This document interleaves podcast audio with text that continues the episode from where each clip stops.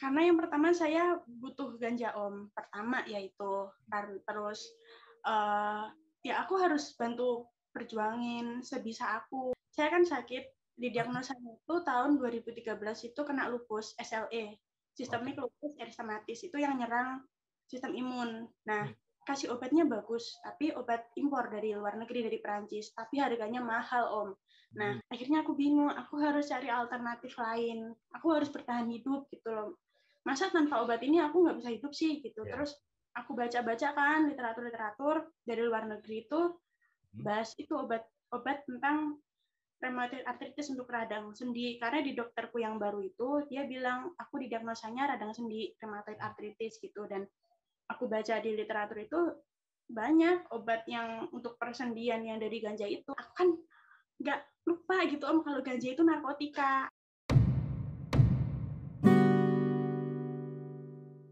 Kawan-kawan, ketemu lagi di kanal Indonesia Tanpa Stigma, Tri Rwanda dan uh, Patri Handoyo nemenin teman-teman semua. Untuk kali ini kita punya tamu nih, Pat. Dan hmm. tamunya karena karena orang penting nih tamunya nih. Orang penting banget. Penting orang banget. penting banget. Dan tamunya karena karena cukup relatif berjauhan lah dari Kota Bandung, hmm. dari tempat studio kita berdiri. Jadi Terpaksa. kita ah, virtual. Wow. Namanya Ratna Tri Wulandari. Ratna apa kabar? Halo, alhamdulillah baik Om kabarnya. Baik ya. Ratna ini teman-teman, uh, saya tahu di antara penonton Indonesia tanpa stigma itu banyak banget yang tahu tentang lingkar ganja Nusantara ya Pak ya. Yep. Nah, Ratna itu ketua LGN yang sekarang ya? Iya. Iya kan? Iya. Nah, uh, kawan-kawan kita akan berbincang dengan Ratna Triwulandari ini eh, apa aja sih yang sedang diperjuangkan oleh LGN? Kita tahu LGN udah sering dibicarakan, udah jadi sering jadi topik lah mm-hmm. di kanal ini juga sama nggak jauh dari advokasi tentang ganja medis waktu itu kan kita ramai ya Pak. Yep.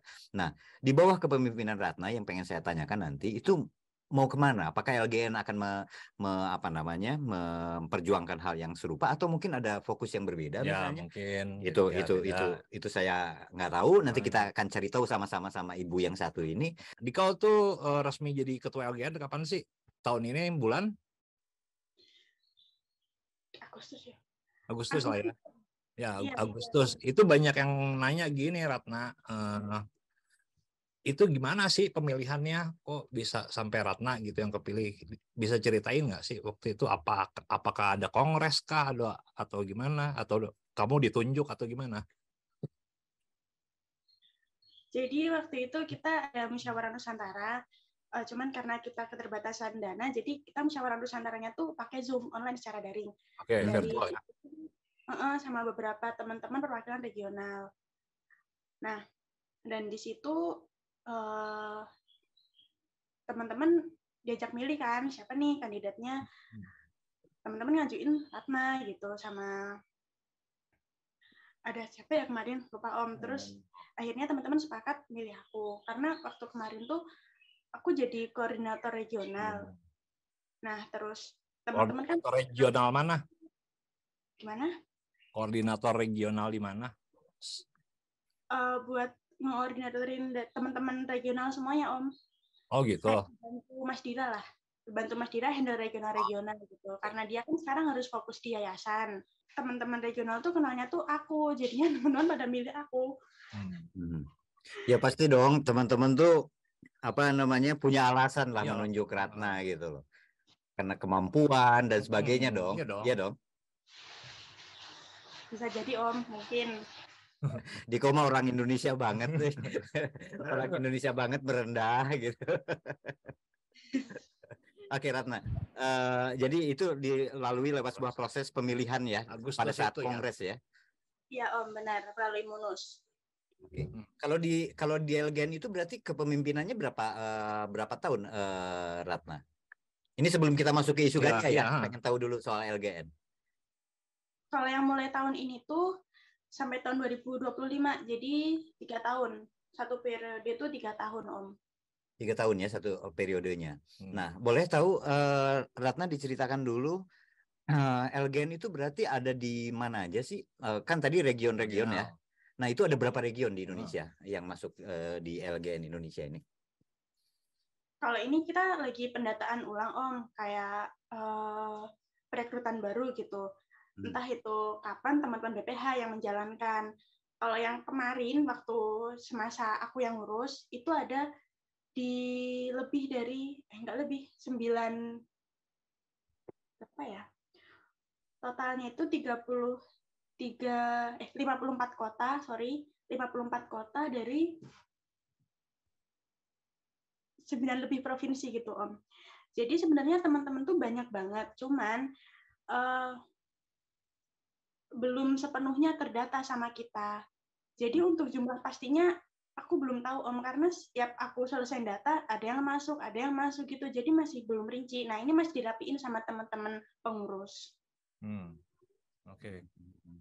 Um, ya, itu kan berarti animonya besar gitu ya dari ya dari banyak orang di Indonesia untuk bergabung di LGN gitu kan termasuk dirimu gitu waktu itu. Kenapa sih kok mau-mauan gitu jadi ngurusin regional LGN apa sih yang mendasari itu? Sebenarnya dulu itu kan uh, saya tahu saya nggak tahu ya om LGN itu apa dulunya. 2019 itu aku nggak tahu LGN itu apa. Terus ada suatu hal yang bikin saya masuk ke situ dan diajak teman saya untuk ngurusin. Nah, akhirnya bantu-bantulah di Surabaya.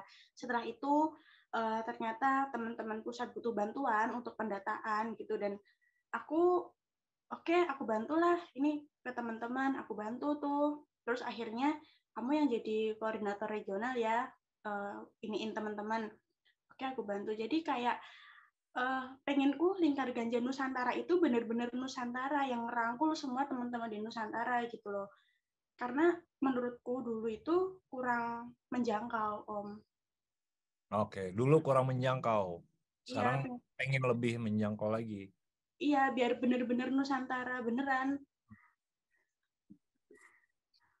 Nah, uh, Rata pertanyaannya kan tadi salah satunya diarahkannya ke sini. Apa sih yang bikin Ratna mau-maunya gitu hmm. aktif di LGN? Apa sih? Emang digaji gede gitu, Rat? aku aku iya, apply iya, dong. Penasaran nih. aku apply dong kalau gitu. Ya. kalau digaji gede. apa sih uh, Ratna yang bikin kok Ratna dan juga saya tahu ada banyak teman-teman, ada ribuan mungkin ya, iya, Pak ya, iya. yang mau gitu aktif oh, di LGN. Itu apa sih yang memotivasi itu? Ya kan. Oh, ya, okay. Apa ya Ratna? Karena yang pertama saya butuh ganja om. Pertama yaitu terus uh, ya aku harus bantu perjuangin sebisa aku karena aku nggak bisa ngapa-ngapain, nggak bisa advokasi, nggak bisa segala macam. Aku bisanya cuman bantu-bantu di organisasi, ya aku bantu organisasi ini. Nah selain itu juga pengen apa ya? Ayolah jalan bareng-bareng gitu karena pengen pengen yang lebih akhirnya yaudah aku mau ikut di kepengurusan oke okay. oke okay. Uh, eh, saya rada rada kaget barusan ngedengar butuh yang ganja. pertama banget nah yang pertama hmm. apa yang membuat Ratna mau uh, gabung di LGN itu karena butuh ganja gitu oke okay. Ratna butuh ganja untuk apa itu yang sorry ya, ini pertanyaan, pertanyaan awam banget ya, awam banget. Tapi sangat mungkin ada di kepala orang kan hmm. ngedengar ungkapan itu. Apa tuh Ratna? Kenapa Ratna butuh ganja? uh, maaf ya Om kalau ini sambil curhat karena awal-awal yeah, yeah. itu saya kan sakit di diagnosa itu tahun 2013 itu kena lupus SLE sistemik lupus erisematis itu yang nyerang sistem imun. Nah, hmm. di perjalanan berobat saya itu bikin saya nggak percaya lagi sama rumah sakit dan obat-obat di situ.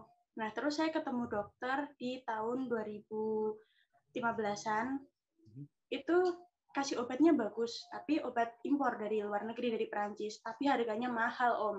Nah, hmm. satu ketika di 2009 sebelum sebelum, sebelum lanjut, eh, seberapa mahal itu obat yang dari Perancis itu? Dulu waktu 2019 itu satu juta dua ratus, kemarin ini satu juta dua ratus buat berapa lama?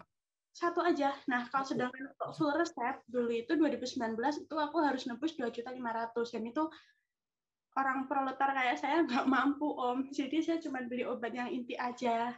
Hmm, saya kan udah nggak mau pakai BPJS nih. Soalnya kalau pakai BPJS dulu tuh kurang efek gitu di lah nggak bisa lah buat itu. Jutaan Gimana? rupiah ya. Ya jutaan rupiah ya eh, Ratna ya. Iya. Oke lanjut Ratna. Ah, Ratna ngerasa apa? Ah, ngerasa tidak sanggup ya. Prancis. Oke, kemudian apa yang terjadi? Di 2019 pertengahan itu obatku mulai langka om. Hmm. Di dokterku udah telat dua bulan. Terus aku nyari ini kan di apotek gede-gede di Surabaya itu nggak ada. Akhirnya nemu di Jakarta lewat istrinya masku yang kebetulan punya teman kerja di situ. Itu satu juta delapan ratus waktu itu. Terus mau nggak mau ya aku harus beli karena obatku nggak ada. Dan ternyata, aduh waktu itu kan setelah apa waktu kuliah itu ekonomi masih down banget, terus aku juga belum kerja. Akhirnya aku bingung, aku harus cari alternatif lain. Aku harus bertahan hidup gitu loh. Masa tanpa obat ini aku nggak bisa hidup sih gitu. Ya. Terus aku baca-baca kan literatur-literatur dari luar negeri itu Hmm. bahas itu obat-obat tentang rheumatoid arthritis untuk radang sendi karena di dokterku yang baru itu dia bilang aku didiagnosanya radang sendi rheumatoid arthritis gitu dan aku baca di literatur itu banyak obat yang untuk persendian yang dari ganja itu mulai dari yang semprot kalau misal nyeri mendadak kan sering kan kalau pagi itu di sini nyeri nyerinya tuh sampai nggak tahan banget itu tinggal disemprot itu udah selesai Sativex itu ya? Iya, Sativex kan?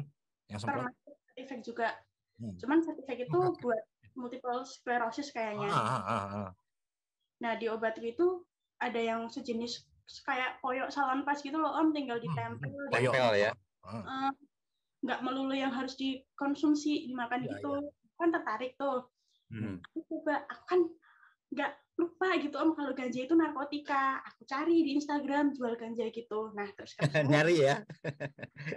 Oh, dicariin oh kita nggak ada mbak obat kayak gitu mending ke minta bantuan ke LGN aja apa tuh LGN terus dicariin kan sama masnya tuh mbak di daerah mana Surabaya terus ini nih mereka mau melingkar datang aja aku datang ke situ terus ya dibilangin kalau itu narkotika kamu nggak bisa pakai ini kalau pakai ini ya ya resiko lah jangan Tunggu, tunggu. Rat- Ratna, si obat obat koyo yang mengandung ganja itu masuk ke Indonesia?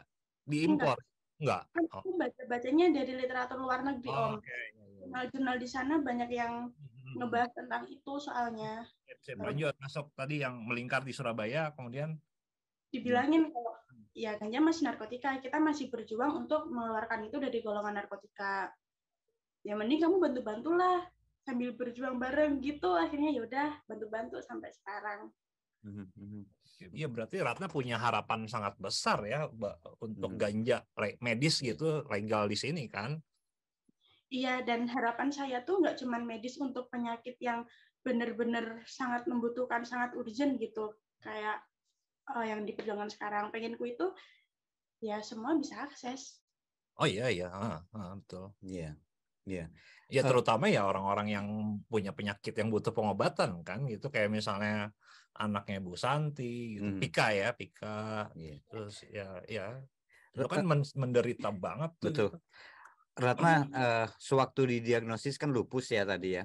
Eh, nah, sejauh ini Ratna pernah nyoba nggak eh, pengobatan yang pakai ganja itu? Ini boleh dijawab boleh nggak ya? belum karena teman-teman nggak ngebolehin itu om kalau soalnya gimana ya takutnya itu ya takutnya kalau aku kan belum siap untuk membenturkan diriku dengan hukum gitu om karena nggak semua orang berani membenturkan dirinya dengan hukum misalnya aja Mas Niko yang kemarin di di eh, podcastnya Onat itu kan dia berani Hmm. buat istrinya yang sakit kanker serviks itu kan nah aku belum berani untuk itu dan temanku juga nggak mau ambil resiko untuk itu jadinya ya hidup normal aja lah Jadi eh, sejauh Oke, sejauh ini jadi eh, Ratna memang betul-betul membantu apa yang diperjuangkan LGN dengan harapan bisa satu waktu kebijakan itu bisa berubah gitu ya.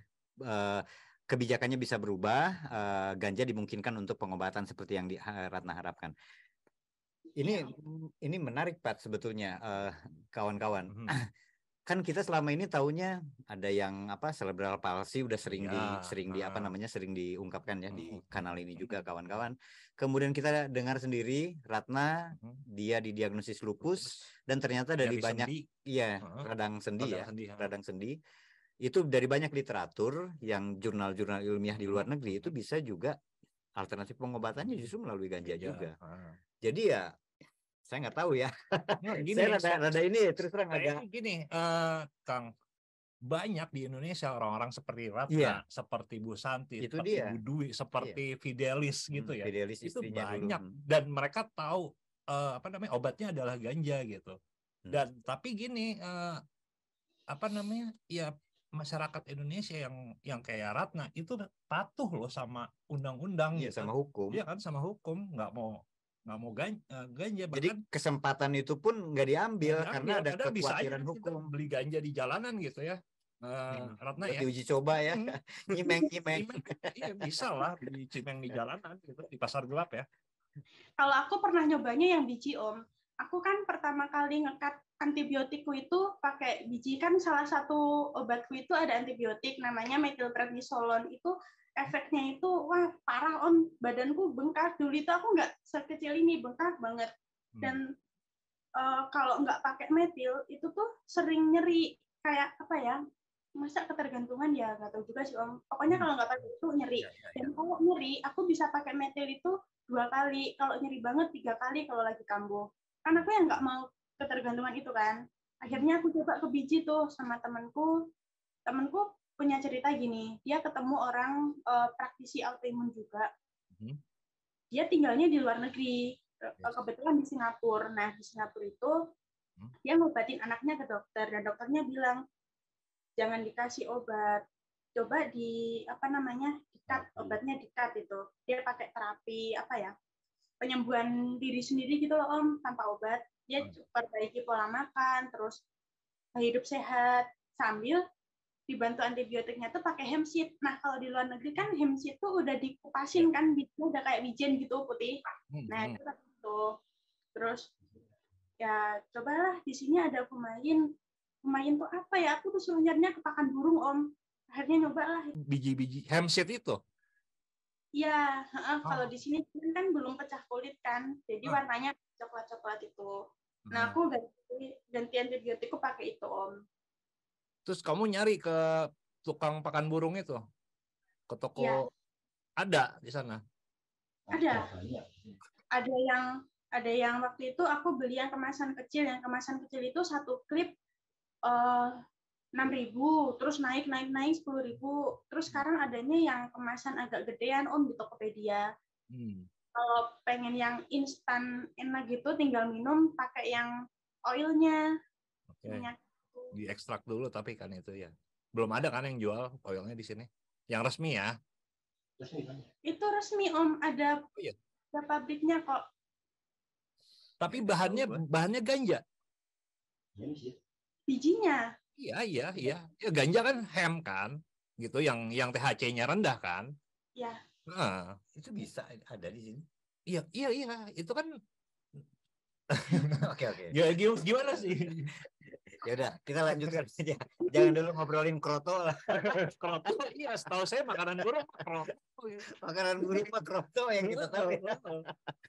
Tapi ya saya nggak tahu, pasti baru dengar kan ada hemp Nggak, gini, dijual gini, di sini. gini. Yang pengalaman saya sendiri ya, itu waktu di eh, Austria Wina. Ah, Di Wina itu banyak toko hem itu, gitu. Tapi yang saya pernah ngomong juga di di sini, eh ya yang namanya hem itu itu ganja, tapi nggak bikin giting gitu, Hmm, ya karena THC-nya THC-nya rendah kan. gitu. hmm. Kalau eh, ya kan saya kemudian nanya kan sama si tiap penjaga tokonya itu ada yang jual THC nggak sih? Wah nggak boleh. Ya pokoknya mereka patuh lah ya, gitu orang-orang sana.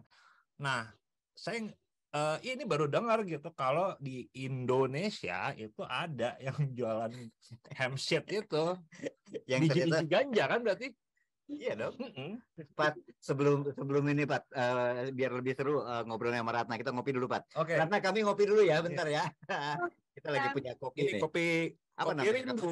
Kopi rindu ya, Ah, udah kalau beberapa kali. teman-teman mau Ah, ini pesan ada kok di eh, market eh bukan marketplace apa sih di GrabFood gitu gitu Iya, ya. ha, ha, ha. ya Oh. marketplace lah itu itu bisa pesan Oh, online iya, ya, ah, bisa pesan online, online. juga dan tepatnya di Jalan Otista Bandung. Ah, kopi rindu. Ah, kopi rindu. Oke. Oke, lanjut ya. Eh Ratna, s- s- saya eh, saya tadi tertarik ya. Ratna udah jawab soal eh, kenapa kemudian mau bantu di LGN, bahkan jadi ketuanya sekarang. Karena ada latar belakang pribadi ya, Hmm. dengan harapan ya satu waktu kebijakan berubah, ganja bisa diuji coba untuk medis, sebut aja begitu, karena Hmm. apalagi Ratna didiagnosis eh, lupus ya. Orang bilang kan odapus ya, orang dengan lupus Lupus, kan gitu ya. ya. Nah, eh tapi saya juga masih masih bingung ini. Sejauh yang Ratna tahu, apakah memang di Indonesia sudah pernah ada orang dengan lupus ya yang mengonsumsi ganja untuk untuk untuk eh, apa pengobatannya? Hmm. Kalau Ratna kan jelas-jelas nih bel- belum belum belum pernah hanya tahu dari referensi-referensi.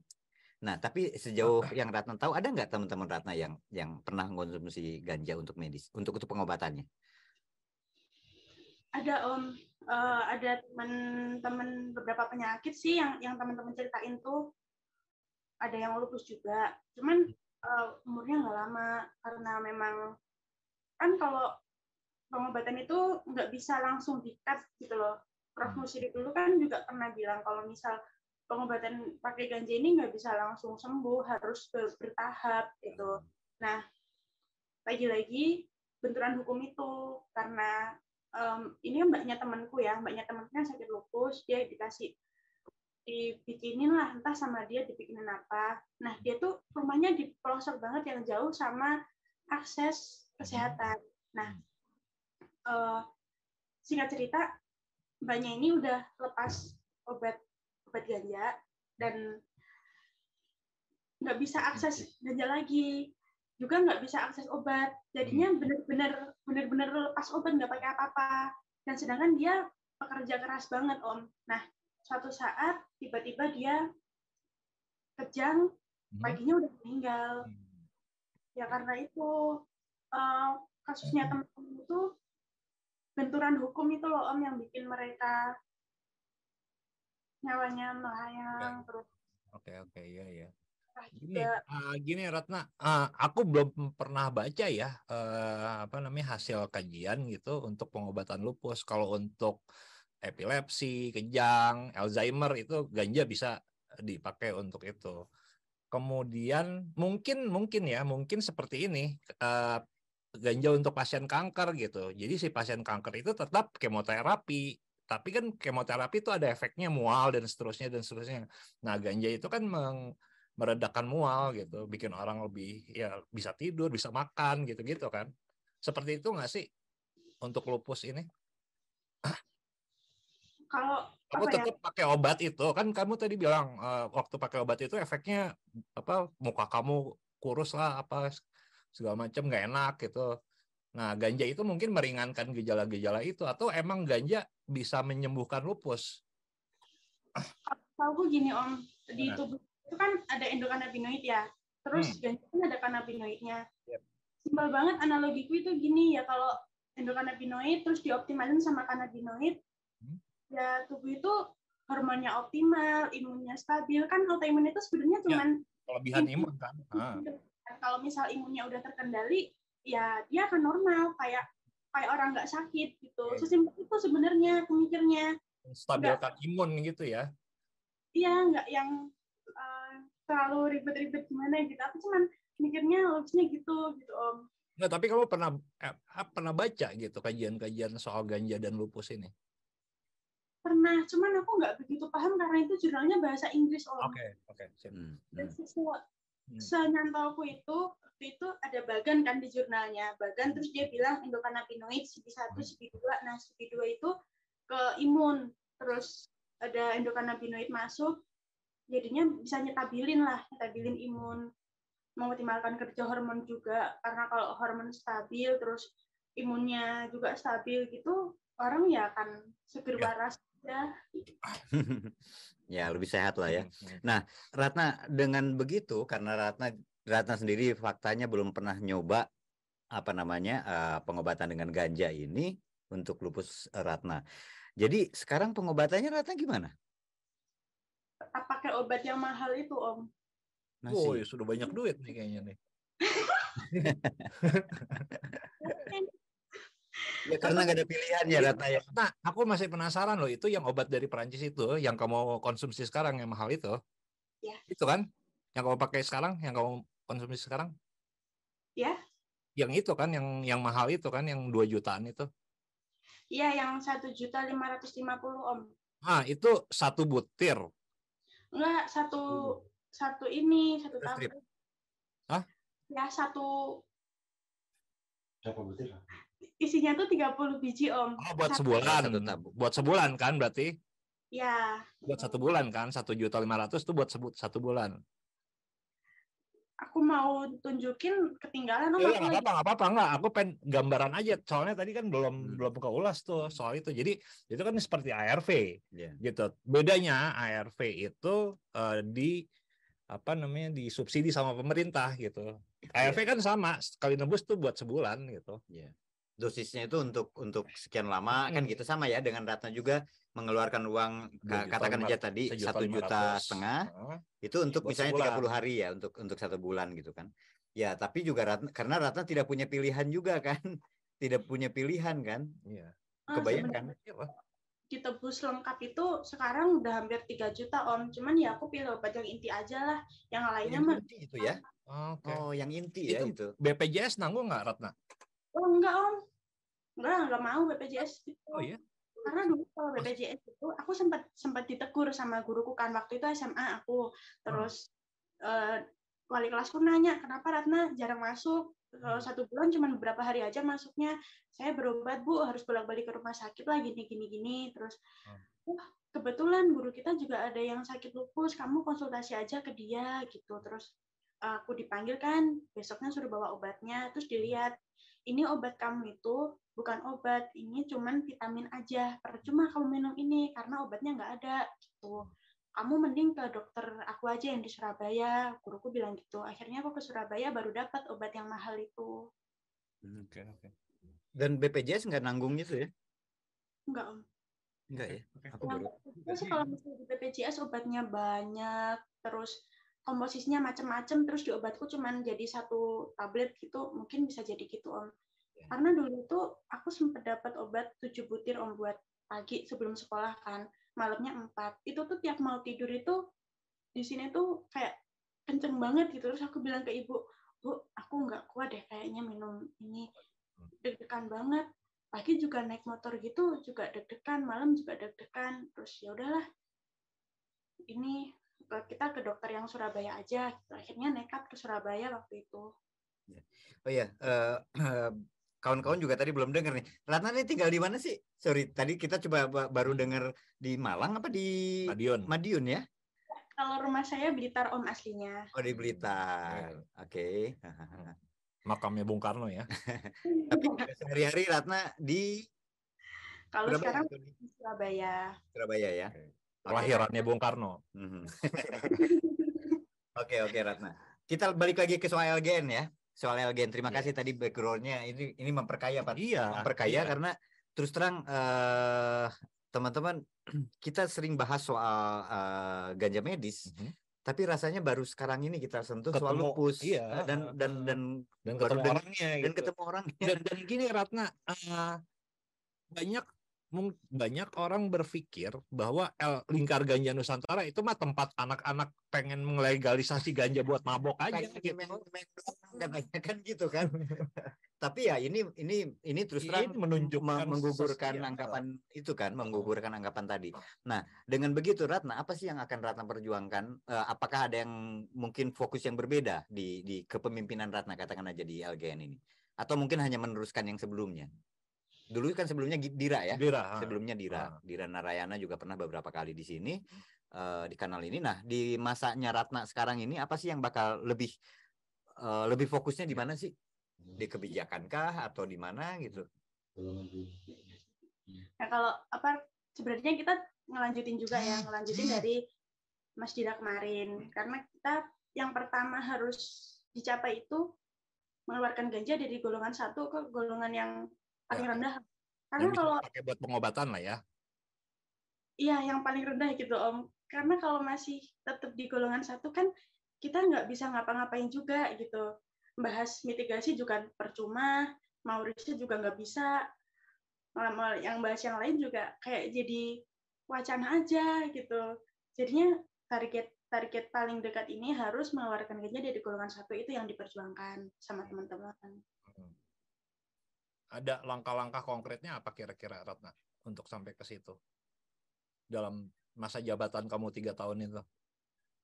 Oh ya, Jadi untuk mulai mulai tahun ini itu kita mulai bagi tugas sama yayasan. Kalau yang uh, advokasi dan riset itu yayasan yang yang menjalankan. Hmm. Terus yang yayasan tuh yayasan Satifan Nusantara ya? Iya benar om. Ah, Oke. Okay. Ah, terus kalau edukasi dan campaign itu teman-teman LGN yang menjalankan. Jadi istilahnya kayak kita ngerut ke bawah, terus yang hmm. yayasan itu biar advokasi. Ah, Oke, urusan elit ya itu ya yayasan ya. LGN mah uh, grassroots gitu lah ya. Iya. Oke, oke. Banget om diremehin kalau anak LGN sumber dayanya nggak mampu gitulah Pak. Bukan nggak mampu, kebanyakan orang pikir anak-anak LGN mah cuma kumpulan anak-anak yang pengen mabuk ganja aja gitu loh. Gitu kan uh, tanggapan orang ya? Iya. Banyak kan, anggapan miringnya lah. Oke Ratna, silakan Ratna. Apa apa yang mau disampaikan lagi? Kalau LGN tugasnya ngerut ke teman-teman di masyarakat, terus coba-coba masuk kampus juga. Uh, karena dulu ya, sepengalaman saya di Surabaya itu sebenarnya mahasiswanya ini pengen ngomongin ganja, cuman pihak akademisnya itu masih masih fobia gitu kalau denger kata ganja gitu. Nah, perlahan dari situ kita cobalah masuk kampus-kampus. Nah, kalau sekarang ini banyak udah banyak akademisi yang mulai ini kok ngobrolin ganja gitu. Mulai terbuka ya pikirannya ya. Oke. Okay. Gitu ya. Kerasa ya Ratna ya? Kerasa Om, karena okay. itu 2019 itu lumayan sulit juga gitu. Kalau ngisi acara di kampus itu kita di emperannya Om, di emperannya terus hmm. Belum berani masuk ruangan lah. Nah kemarin itu aku bulan Juli diundang di salah satu kampus dan itu yang merekomendasikan itu dekannya. Nah ngomong ke rektornya, rektornya dukung banget ya nggak apa-apa silahkan ngomongin ganja, bilang pemanfaatnya itu. Terus akhirnya ya udah dapet dukungan dari kampus, kita ngobrol di situ bikin podcast. Hmm. Ya artinya kan kalau apa kalangan akademisi mungkin mungkin seperti kata Rana tadi ya banyak yang ya mungkin lama, makin lama makin dari dulu juga ada tapi ada. makin ke sini makin, makin banyak terbuka. yang terbuka gitu ya makin uh -huh. banyak yang mulai ngelihat bahwa ya ini memang harus harus di harus aji, diomongin gitu ya harus di, diobrolin ya nah Ratna berkaitan nama itu apa yang dilakukan Elgen sekarang melihat kesempatan saya sebut itu sebagai kesempatan ya hmm. ada akademisi yang mulai apa namanya uh, mulai tertarik juga membahas ini. Dan saya juga karena kerjaan sering merhatiin soal pemberitaan aja juga. Pemberitaan tentang ganja untuk medis juga makin positif belakangan ini makin banyak. Hmm. apa yang uh, kesempat buat saya itu kesempatan gitu. Apa yang akan dilakukan Elgen dengan itu uh, Ratna? Kalau di uh, teman-teman pengurus ini mereka masih fokus ngeberesin masalah administrasi ya Om. Maksud maksud mengatur kepengurusan, terus ngatur administrasinya, ngatur uh, keanggotaan juga biar lebih lebih rapi dan sistematis gitu loh. Karena dari dulu kan masih berantakan gitu di zamanku juga masih belum serapi ini gitu. Hmm. Teman-teman masih fokus di situ. Hmm. Nah, depan mungkin baru bisa clear. Hmm, okay, okay. Hmm, hmm. Hmm. Uh, Ratna, buat buat orang yang misalnya katakan aja tertarik ingin gabung di LGN, itu dia gimana sih? Itu keanggotanya terbukakah atau atau atau seperti apa? Karena sering juga itu ada yang nanya kalau pengen pengen gabung itu hmm. seperti apa? Caranya Ratna? terbuka banget Om. Nah itu dibalikin ke daerah masing-masing. Pengen pengen sistemnya mereka kayak gimana gitu yang paling sering teman-teman itu uh, menghubungi daerah terdekat. Kalau misal di Blitar, uh, ngehubungin Elgen Blitar. Kalau Min uh, pengen gabung, gimana caranya? Gini gini gini. Yang penting, yang penting nggak ada transaksi di situlah. Hmm. Karena uh, transaksi ganja ya maksudnya ya? Kan banyak begitu Om. Hmm. Maksudnya banyak? Ya kan gini, uh, ya tadi kan banyak pandangannya itu itu anak-anak yang pengen mabuk ganja aja yang ngumpul di LGN sehingga LGN itu banyak yang transaksi. Ratna, jadi kan yang dihindari transaksi, uh. ya biar iya, nggak ya, ada transaksi yang penting. Cuma anak nyari-nyari aja gitu loh om, terus hmm. terus kan memang beritanya dari teman-teman kan gitu, LGN ini sarangnya nanti perkumpulannya orang yang suka ganja gitu-gitu, kita harus ya kalau jajan ya di, lain aja lah jangan ke sini. Kita nggak ada yang jual gitu. Pengen ngehilangin image itu ya? Ya. Itu sebentar lagi 2023 nih. Sebentar lagi 2023 2022 udah banyak catatan-catatan termasuklah dalam tanda petik kekalahan ya waktu itu Ya, waktu di Konstitusi. Mahkamah Konstitusi. Apa catatan LGN untuk ini? Untuk ini semua. Yang artinya bisa bagus untuk di 2023. Catatan Ratna. Eh, untuk catatan saya pribadi itu yang pertama kita harus perkuat basis di regional. Nah, setelah basis di regional kuat, kita perkuat lagi dengan edukasi. Artinya teman-teman di regional ini eh, jadi penggeraknya LGN gitu loh. Kalau misal ada suatu perguruan tinggi di sebuah kota yang pengen minta bi- bikin webinar atau ada edukasi lah di kampus mereka, Nah, perwakilan LGN ini yang jalan. Jadi nggak harus melulu ketua, nggak harus melulu pengurusnya. Teman-teman di daerah tuh harus terlibat untuk itu. Nah, setelah itu eh, memanfaatkan kesempatan dengan cepat. Kalau misalnya kalau misalnya besok bikin aksi ya, aksinya itu yang gede, terus harus kalau dulu-dulu itu kan cuman kayak aksi itu kayak euforia gitu Om. Nah, sekarang kita harus punya bawa sesuatu lah di situ. Misal bawa isu baru. Isu baru itu ngomongin mitigasi misalnya. Kita harus bahas mitigasi karena mitigasi itu penting. Sebelum undang-undang yang baru bergulir, kita harus susun tahu dulu nih gimana waspadanya karena kan menurut sebagian besar orang legalisasi ganja itu bencana. Nah, kalau bencana kan harus ada mitigasinya tuh, mitigasi penanganannya kayak gimana gimananya gitu. Sebenarnya ini kayak yang udah dibahas Om Patri di bukunya yang menggugat perang terhadap narkoba itu, cuman ini yang khusus ganja gitu aja. Eh, Ratna, itu kan bukannya berarti tanpa tantangan ya? Kalau saya kami kami lihat itu kan tantangannya udah makin makin bukan makin ya tantangannya sejak lama juga sama. Eh, benturan dengan aparat hukum kebijakan yang masih belum mendukung katakan saja begitu. Buat Ratna selain tadi soal edukasi dan menyiapkan mitigasinya apa sih eh, yang perlu dilakukan oleh LGN dan teman-teman organisasi yang sejenis ya yang punya yang punya semangat sama lah untuk mengatasi tantangan-tantangan tadi Selain tadi kalau edukasi kita semua udah sering bisa sepakat lah edukasi kemudian apalagi tadi Kampanye. eh, ya kampanye-kampanye Hmm. seperti itu. Tapi apa sih yang yang sangat penting selain selain memperkuat di regional kalau LGN? Yang kedua tuh bikin program-program yang baru. Karena kan selama beberapa tahun itu kayak nggak ada program untuk internal kan, apalagi untuk eksternal. Nah, tahun depan itu harusnya dibikin kayak misal internal ada penguatan program apa apa apa kelas pintar atau apa atau apa gitu. Nah untuk Hmm. eksternalnya setelah punya anggota dia harus bisa nge- ngeberdayain tuh anggota-anggotanya kayak misal minimal tahu lah ada undang-undang narkotika terus gimana dia menyikapi itu. Terus apa namanya biar nggak sekedar gabung untuk senang-senang aja ngobrol aja gitu. Kita harus eh, bantuin mikir ke depannya tuh kayak gimana. Pengennya kalau legalisasi legalnya kayak gimana. Jadi kita biar punya banyak suara untuk masukan di pengurus itu untuk menentukan langkah selanjutnya. Kali aja di kepengurusan yang berikutnya itu lebih keren lagi pergerakannya Hmm. sementara sih masih itu om Eh, Ratna kalau saya tanya bentuk eh, bentuk pertanyaannya gini, a- apa yang dalam waktu dekat ini akan eh, dilakukan LGN? Agenda yang paling dekat ini, eh, Ratna. di luar administrasi ya Rat Oh ya, ada itu launching bukunya kedua Mas Danto, judulnya Jejak Ganja Nusantara. Itu kumpulan dari riset-riset kebudayaan dari tahun-tahun sebelumnya itu. Dulu kan ada tuh risetnya yang riset tangan sama riset arsip. Nah, studi arsip tuh teman-teman bilangnya.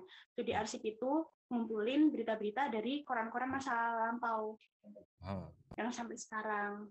Terus yang riset papangan itu ya kayak ngeriset candi-candi, terus apa kitab-kitab Yes. kayak gitu-gitu om kan Hmm. sebenarnya tiap kota itu ada ada sebenarnya dan itu yang lagi digali nah apesnya belum selesai itu seluruh kota kelar orangnya ketangkep itu ya apesnya itu Danto masih di dalam ya? Iya, Rat. masih Oke. masih betah om Biar dia kan pintar. kayak Tan Malaka tuh dari penjara ke penjara udah kali berapa ya. Sekarang Ratna mau nggak di dalam juga? Nggak mau. Biar apa-apa kayak kayak Nelson Mandela gitu mau 27 tahun di penjara. Oke, ya Ratna menarik. Eh, jadi itu ya yang lagi dilakukan dalam waktu dekat oleh LGN ya. Ada ada wacana yang pendekatannya mungkin sejarah dan budaya ya. iya om Hmm. karena sebenarnya budaya kita punya budaya ganja di Nusantara. Cuman ada aturan hukum yang menenggelamkan itu dan seakan-akan kita nggak boleh ngomongin budaya kita karena aturan hukum itu. Jadi gimana caranya ngebangkitin ngebangkitin ini dari sejarah? Kita balik lagi dulu kita punya sejarah ini. Di Aceh kita punya kitab ada kitab mujarobat ada kitab tajul muluk yang ngebahas tentang ganja. Jauh sebelum ada undang-undang ini terus turun Ada lagi herbarium Apoinese gitu ya. Heeh, ada Hmm. banyak sebenarnya Oke, Tri, masih ada yang mau ditanya? Oke, ke gini Ratna, kalau saya sih penasaran gini. Ya tadi balik lagi image ya, image LGN sebagai gerombolan anak-anak ganjais gitu ya, yang suka yang suka nyimeng. Nah, gimana Ratna sebagai ketua LGN yang sekarang untuk me- mengclearkan itu tuh image-image soal kayak gitu? untuk Apa yang- merubah image-nya ya. Ah, ada nggak? Udah kepikiran belum? selain Ya. selain ngekik ngekikin yang transaksi di IG gitu. Iya, sebenarnya itu eh, sulit juga ya Om, karena karena semua orang ini bisa pakai logonya LGN, nggak nggak menutup kemungkinan tadi anggota atau bukan, dia bisa menyebarkan atas nama LGN gitu Om. Yes. Karena sering banget ditemuin, terutama di Facebook Facebook itu jualan pakai stikernya LGN gitu. Dan tingkah sekecil itu tuh dampaknya ya lumayan gede juga. Terus ada ya kenakalan teman-teman yang bikin image itu makin jelek. Nah dari situ kita pengen Ya. penguatan gitu ke teman-teman. Kita harus merubah image ini karena nggak selamanya kita harus mencapai tujuan kita tuh dengan image yang bagus gitu loh. Jangan sampai Iya. diremehin terus karena sebenarnya kan kita bisa gitu. Karena contohnya gini, aku sebagai perempuan datang ke LGN itu udah dipandang lain, pandangannya wah ini anak perempuan berhijab kayaknya anak baik-baik. Terus kayak LGN dia mau ngapain? Gitu. Pasti kan ada celah untuk berpikir positif di situ. Nah kita pengennya teman-teman tahun mulai masuk ke instansi eh, pendidikan atau apa mereka disambut baik. Ternyata anak LGN itu bisa loh ngomong di depan umum bisa loh kasih materi bisa loh kasih ini hal-hal yang sesederhana itu tuh bisa merubah meskipun waktunya nggak nggak singkat Di di LGN, di LGN gitu secara nasional ya. Gitu ada berapa banyak sih anggotanya yang emang membutuhkan ganja untuk medis gitu, yang punya penyakit yang kayak dirimu, kayak Bu Santi gitu. kalau itu kita nggak punya data konkretnya om soalnya soalnya apa namanya itu kan kayak orang-orang tuh kadang kalau punya kebutuhan tentang ganja terus datang ke LGN itu jatuhnya malah takut ada data konkretnya om Ah, ah, ah. kan Ah. cuman teman-teman di daerah itu pasti nemuin kok pasti nemuin ada yang keluh kesah kayak begitu cuman data konkretnya nggak ada Oke. Ya kalau ada bagus tuh. Ya mungkin itu bisa jadi salah satu. PR juga ya Ratna ya. Terdokumentasikan ya. Itu jadi salah satu tantangan mungkin ya yang dihadapi oleh teman-teman LGN sekarang ya. ya om Mhm. Heeh, j- Jadi ya image LGN itu bukan ya anak-anak yang pengen Pengen nyemeng doang. pengen nyemeng doang gitu. Emang emang butuh dan perlu disegerakan. Gini Ratna, terakhir apa yang mau Ratna sampaikan Ratna tentang perganjaan di Indonesia deh? Apa Ratna? keganjaan Perganjaan iya, iya nasional. dengan, dengan situasi saat Ah. ini gitu ya udah ah, misalnya MK udah gitu kemudian ah, Menteri Kesehatan udah ngeluarin peraturan yang baru tuh ya kan pemanfaatan ganja ah, narkotika golongan satu untuk penelitian gitu gitu kamu melihatnya seperti apa sih perganjaan ini? pesennya teman-teman aja ya om Ya. kalau pesennya teman-teman tuh gini kita nggak pengen legalisasi yang sebebas-bebasnya gitu loh tapi kita yang yang kita pengenin pemanfaatan seluas-luasnya jadi gajinya Hmm. dimanfaatkan dari segi apa pun dan itu menguntungkan rakyat Oke. kita nggak pengen yang bebas-bebas banget sampai dia nggak punya harga nah karena dari situ apa ya kayak belum siap gitu om Hmm. perlu bertahap dulu dah yang kita yang kita pengenin pemanfaatan yang seluas-luasnya bisa dimanfaatkan dari medis untuk industri juga bisa jadi Yes. jangan terbatas di medis aja dan untuk penyakit tertentu aja tapi harus luas Hmm, hmm. Oke. oke Oke Ratna, makasih banyak loh. Kapan-kapan kita ngobrol lagi ya iya topik beda Siap, ya Om. dengan topik yang beda, sudut pandang yang lain gitu kan? Hmm.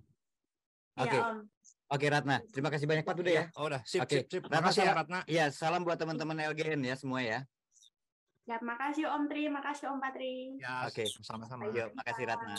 Ya kawan-kawan kami akhiri dulu tentang obrolan awal dengan Ratna Triwulandari ya. ya Eh, beliau ketua, ketua Lingkar Ganja Nusantara Indonesia. Ya, ya, pakai Indonesia kan? Iya. Oke, kawan-kawan kami kami akhiri dulu episode kali ini. Kita akan lanjutkan lagi dengan episode yang lain yang tentunya kita bakal bahas juga soal ganja mungkin dari sudut cara pandang yang lain, Hmm, tapi tetap hmm, dengan Ratna nanti hmm. dengan teman-teman LGN. Kita pamit, Pat. oke Oke, terima kasih, teman-teman. Siang. Dadah.